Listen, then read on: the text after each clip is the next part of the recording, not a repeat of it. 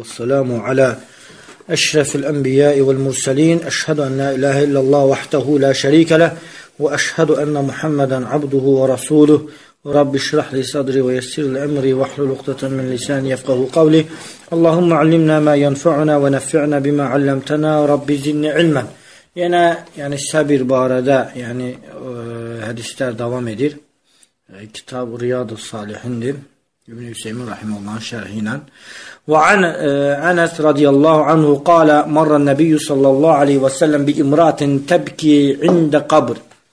Peygamber sallallahu aleyhi ve sellem bir kadının yanından geçir o da qəbirin yanında ağlayırdı. Peygamber sallallahu aleyhi ve sellem buyurur ki ittaqillah vasbiri fekalet ileyke anni fe inneke lem tusab e, lem tusabu bi musibeti ve lem ta'rifhu. Deyir ki, Allahdan qorx və səbirli ol. Və o qadın da deyir ki, get. Yəni, məndən uzaq dur. E, həqiqətən də yəni sənə mənə toxunan müsibət toxunmamışdı. Yəni, sənin mənim başıma gələn müsibət sənə toxunmamışdı. O qadın Peyğəmbər sallallahu aleyhi və səlləmi tanımırdı. Fəqilə ləhə innəhu nəbiyyü sallallahu aleyhi və səlləm fəətət bəbən nəbiyyi sallallahu aleyhi və səlləm fələm təcid indəhu bəvabin. Və o qadına deyilir ki, həqiqətən də o Allahın elçisi idi. Yəni, Peyğəmbər sallallahu aleyhi və səlləm idi. Və o qadın da Peyğəmbər sallallahu aleyhi və səlləmin qapısının yanına gəlir, qapıda duranlar da yox idi. Yəni, ümumən indi onun faydaları şeyx gətirəcək ki, yəni böyük adamların həmişə qapısında gözətçilər olur. Amma Peyğəmbər sallallahu özü böyük idi, amma təvazökarlı olduğuna görə, həqiqi Peyğəmbər olduğuna görə onun qapısının ağzında yəni gözətçilər, qoruyanlar yox idi. Bu da onu göstərir ki, həqiqi Peyğəmbər idi həqiqi peyğəmbər idi. Çünki Allah Taala tərəfindən qorunur. Elə bir böyük adam yoxdur ki, başçı yoxdur ki, onun e, qoruyucu olmasın. Bir dənə peyğəmbər sallallahu əleyhi və səlləmdən başqa. فقال لم أعرفك فقال إنما الصبر عند الصدمة الأولى Qadın deyir ki, mən səni tanımadım. Peyğəmbər səsən buyurur ki, həqiqətən səbir ilk alında, ilk anında olan səbirdir.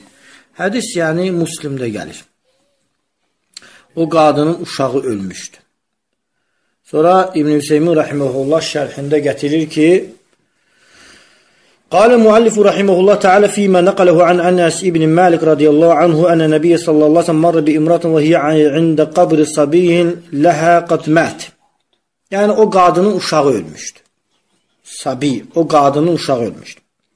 Və kanət tuhibbuhu hubban şədidən. Yəni o qadın o uşağı şiddətli şəkildə sevirdi. Fələm təmlik nəfsəhən təxrucu ilə qabri litəbki indəhu. Fələmmə ra'a nəbiyyə sallallahu aleyhi və sələm əmara bittəqvallah və sabr.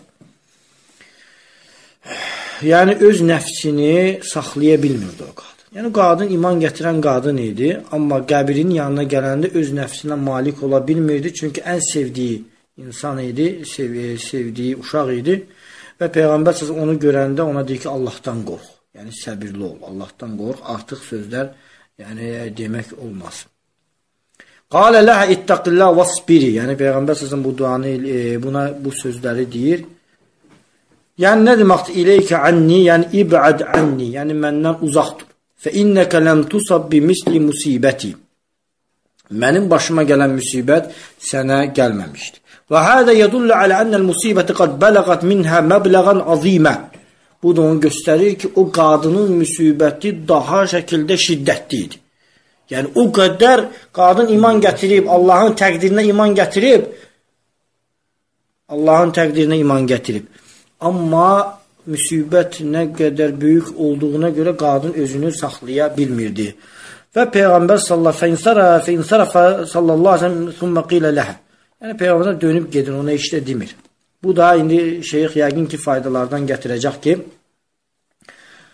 şeyx faydalardan gətirəcək ki, insan əgər qəzəblənibsə, yəni üstünə getmək olmaz yəni. Bir dəfə dedin, gördün ki, artıq o qəzəblənib, özündən çıxıb, ona ikinci desəm, e, yenə də artıq e, kəlmələr işlədəcək. yəni başqa problemlər yaranacaq. Ona görə bu sünnədir ki, yəni bir dəfə dedin, gördün ki, istənib, qəzəblənib, ondan sonra onu tərk edirsən, onu qoyub gedirsən. Və o qadın peşman olur və Peyğəmbər sallallahu aleyhi və səlləmin yanına gəlir, evinə gəlir və onun qapısında da heç bir e, qoruyucular yox idi. Leysə indehu əhədun yemna'un nasə minəd-duxul alayh. Yəni o qapıda insanlar durub, yəni gələn insanları qadağan edən heç kim yox idi. Fə əxbaratu və qalet innəni ləm a'rifkə.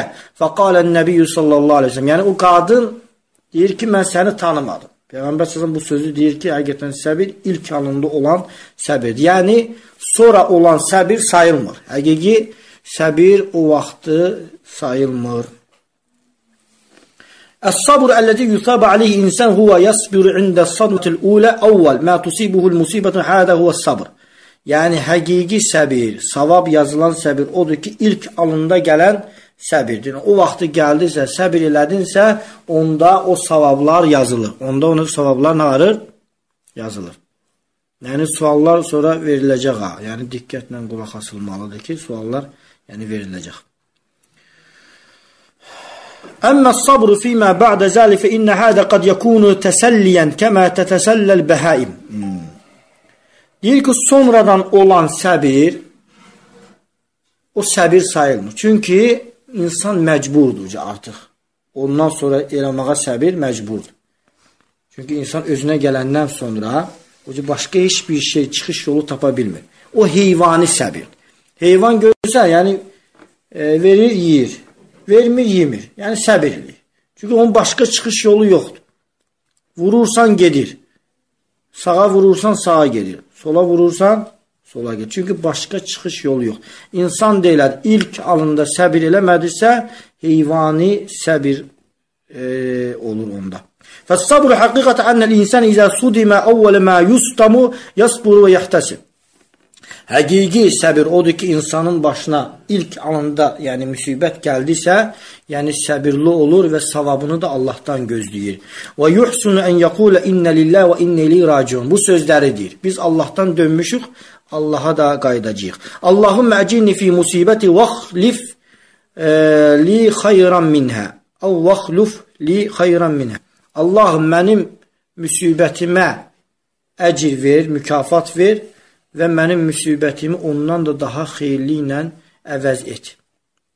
Sonra şeyx hədisin faydalarını gətirir. Birinci növbədə husnul xuluqun nəbi sallallahu aleyhi və səlləm və davəti iləl haqq və iləl xeyr.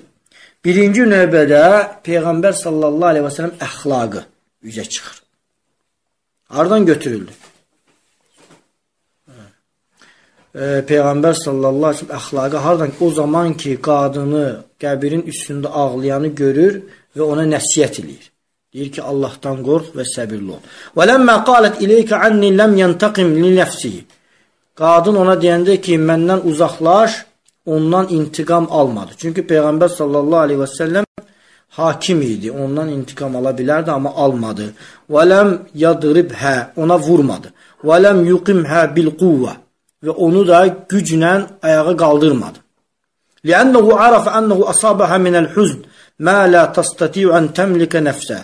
Çünki Peyğəmbər sallallahu əleyhi və səlləm bilirdi ki, ona elə bir müsibət gəlmişdi ki, o o müsibəti yəni qabağını ala bilmirdi, nəfsinə malik ola bilmirdi. لأنه عرف ولهذا خرجت من بيته لتبكي عند هذا القبر. Ona görə o qadın evdən çıxmışdı, o qəbrin yanında ağlayırdı. Fə in qalə qail əleysət ziyaratul qubur haraman alən-nisə. Ola bilsin kimsə deyə bilər ki, qadınların qəbirstanlığa getməsi haram deyilmi? Çünki Peyğəmbər səsəm qadağan edir. Qullə bələ. Əlbəttə, qadınların qəbirstanlığa getməsi haramdır. Bəl hiyə min kəbəiri zunub. Əksinə o böyük günahlardandır. Liənnən Nəbiyyə sallallahu aleyhi və səlləm buyurur ki, çünki Peyğəmbər sallallahu aleyhi və səlləm buyurur ki, Lə'ənəz zəiratil qubur vəl muttaxidinə aleyhəl məsəcid və suruc. O qadınlara Allah lənət eləsin. Qəbirsanlığa gedən qadınlara Allah lənət eləsin və həmçinin o kəslərə də Allah təala lənət eləsin ki, yəni o qəbirlərin üzərində məscid tikirlər və işıqlar qoyurlar. Düzdür, bizim adətimizdə olmasa da başqa yerlərdə var. Yəni öləndən sonra şamlar qoyurlar və və yaxud da ki məscid tikirlər onun üzərində. Lakin hədə ləm təxruc li ziyarə. Çünki bu qadın ziyarət üçün çıxmamışdı. Və innəmə xaracət limə fi qalbihə min ləv'əti firaqın həzəs sabi vəl-huznə şədid. Bu qadın evdən çıxmışdı ki, həqiqətən onun qəlbində güclü şəkildə sıxıntı və kədər var idi. E, yəni bunu malik ola bilmirdi. Ləm təmlik nəfsə ən tə'ti və lihədə azdaraha Nəbi sallallahu aleyhi. O qadını Peyğəmbər sallallahu aleyhi və səlləm başına o güclü müsibət gəldiyinə görə ona e, üzür gətirdi. Və onu güclə o qəbirin üstündən durğuzmadı və ona məcbur eləmədi. Demədi ki, sən get evğa. Həmçinin hədisin faydalarından ənnəl insana yu'daru bil cəhil. İnsan əgər cahildirsə üzür gətirilməlidir. Bu da açıq aydın dəlildir ki, cahillik üzürdür. Bəzi insanlar deyir, nədir? Cahillik üzür deyil. Səvaə kənə cəhlən bil hukmu şər'i əm cəhlən bil hal.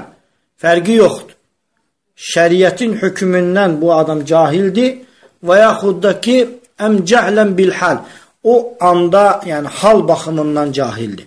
Fə innə hədil mar'a qalət nəbi sallallahu aleyhi və səlləm ileykə anni. Bu qadın Allahın elçisinə, Rasuluna sallallahu aleyhi və səlləm dedi ki, mənim, məndən get, məndən uzaq ol. Mə ənəhu yəmuruhə bil xeyr və təqvə və sabr. Onunla yanaşı Peyğəmbər sallallahu aleyhi və səlləm ona xeyri, təqvanı və səbiri tövsiyə eləyirdi və əmir edirdi. Vələkinnə ləm ta'rif ənəhu Rasulullah sallallahu aleyhi və səlləm və lihədə adaraha nəbiyyü sallallahu aleyhi və səlləm. Ona görə o qadın Peyğəmbər sallallahu aleyhi və səlləmi tanımadı, ona görə ona üzür gətirdi. Bu da bu e, müsəlman da bu şəkildə olmalı. Əgər bir insan e, hansısa bir məsələni bilmirsə, Amma insanlar var ki, usul və furuğa ayrırlar, buna dəlil olmur. Buna dəlil yoxdur. E, şəriətin hər bir anında, hər bir halında, usulda da, furuda da, yəni üzür var. Əgər bilmirsə, yəni ona qınaq yoxdur. Və həmçinin e, hədisin faydalarından ənəhu la yenbəği lil-insan el-məs'ul an havaicil muslimin an yec'ala ala beyti bawwaban yemna'un nas. Yəni لأنه لا ينبغي للإنسان المسؤول عن حوايج المسلمين müsəlmana, yəni insana lazım gəlmir ki, yəni əgər o adam məsul adamdırsa, böyük adamdırsa, insanlar onun ehtiyacı üçün onun evinə gəlirsə, o evinə yəni gözətçilər qoymamalıdır. Qoruyucular qoymamalıdır ki, gələn insanları qaytarsınlar deyə. Əslində o adam məsul adamdırsa, insanlar hansısa bir ehtiyacına görə onun yanına gəlirlərsə, yəni köməkçilər qoymamalıdır. O qapıdan yəni insanları mani eləməməlidir. İzə kənə insan yəhtəcunə iləyhi illə izə kənə insan yaxşa min kəsrətin nəs və irhaqin nəs və işğalin nəs ən şeyin yumkinuhum ən yətədaraku şuğləhum fi vaxtin əxər və ləhədə lə bəsə bih. E, şeyx gətirir ki, ancaq bir şərtlə olar. Əgər deyir, o qorxur ki, insanlar çox şəkilində gələrlər onun evinə və onu yorarlar, incidərlər və o mümkün deyil ki, e, insanların çoxluğu onu yəni yayındırar və heç kimin də ehtiyacını ödəyə bilməz. Bu şəkildə deyir, onda deyir, e, gözətçilər qoya bilərsən. Və mə cü'ləl istizanu illə min əclin nazar. Şeyx burada gətirir ki, icazə almaq nəyə görə veril, e, əmr olunmuşdur? Yəni bir insan evə gəlirsə mütləq icazə almalıdır. Kimin olur olsun, kimin evi olur olsun. Və min əcl ennəl insan yetəsarraf fi beyti fi idxal mən şə və mə mənə mən şə. Çünki insana yəni nəyə görə icazə alma vacib olmuşdu? O yəni ki, görməsin deyə. İnsan kiminsə evinə girəndə e, girər və başqa, yəni naməhrəmlər görər. Ona görə Allah Taala qadağan eləyib. İcazə almadan evə girməyi Allah Taala qadağan eləyib. Sonra faydalarından Ənə sabra əlləzi yuhmədu fa'iluhu huvə sabru əlləzi yekunu ində sadmətul ulə. Həmçin faydalarından odur ki, ha vaxt insan səbir eləyərsə ona tərif olur, ilk alında olan səbir. Sonra əgər məsələn insan başına məsələn nəsə düşdüsə, niyə düşdü dedisə, uca artıq o adam səbirdən çıxdı. Çünki dili ilə şikayət elədi. Amma sonra uca artıq başına düşəndən sonra, o sözü deyəndən sonra, uca ondan sonra da deməsə, savab yoxdur. Uca getdi. Ona görə innə lillahi və innə ileyhi raci. Və yaxud da ki, məsələn, e, insanın əzizi getdisə, dedi, niyə görə öldü? Və yaxud da ki, o cavan idi. Belə sözlər işlətdisə, savabı getdi. İnsan e, səbirli olmalıdır və savabını da Allahdan istəməlidir. Və ya'lamu enne lillahi ma akhadha və lehu ma a'ta və enne kulli şeyin indehu bi ecelin musamma. O bilməlidir ki, enne lillahi ma akhadha. Allah nəyi götürübsə o Allahındır. Nəyi veribsə, yenə o Allahındır. Və hər şey onun yanında müəyyən bir vaxta kimidir. Yəni hamı öləcək. Hamı öləcək. Allah qatında hamının əcəli müəyyən bir vaxta kimidir. Və həmçinin bu hədisin faydalarından ennel buka indel qabr yunafi as-sabr. Aa, görsən, şeyx nə deyir? Deyir ki, qəbrin yanında ağlamaq səbiri yox edir. Səbiri yox edir. Ona görə Peyğəmbər səsəm deyir ki, Allahdan qorx, səbirli ol. Bir insan gedir qəbrin yanında ağlayırsa, o adamda yəni e, səbir yoxdur, səbirin mükafatını götürmür. Minən-nas ma yubtala fa izə mata lahu meyyitun sara yatatarradu ala qabri və yabki indahu. İnsanlar var ki, yəni imtahan olunurlar.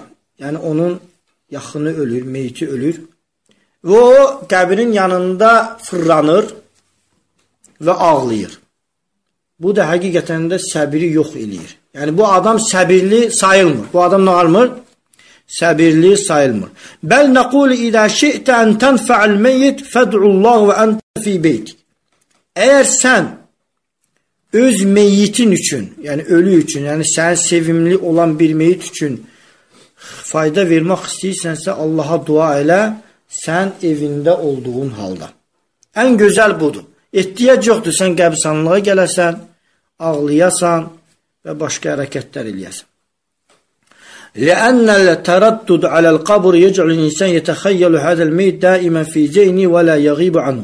Bir insan deyə qəbrin yanına gələrsə, öz əzizinin yanına gələrsə, həmişə insanın beynində o meyit qalır.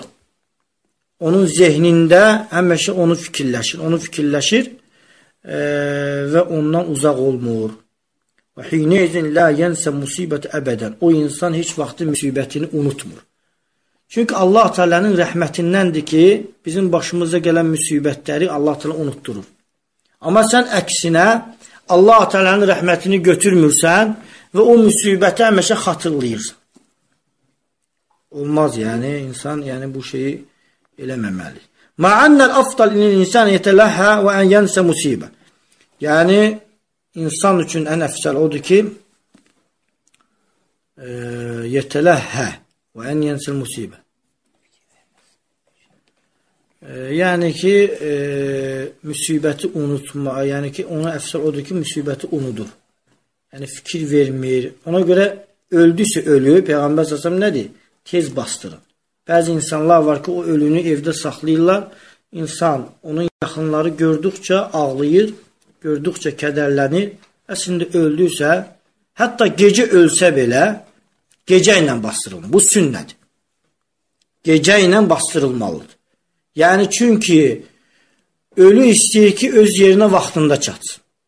Bu birinci fayda. Həmçinin oradakı cəmaat, özünün yaxınları onu gördükcə müsibəti biraz da güclənir, biraz da kədəri çoxalır və həmçinin də Allah qorusun, yəni Allahın qəzəbini insan qazana bilər artıq sözlər işlətməklə. Bir qadın məyyəsə, yəni çalışmalıdır ki, insan yəni müsibəti unutmalıdır. Yəni müsibət olan şeylərdən, hansı ki müsibəti xatırlayan yerlərdən uzaq olmalıdır. Vallahu muvaffiq, Allah Teala daha yaxşısını bilir. İxlasla.com saytı tərəfindən təqdim olundu.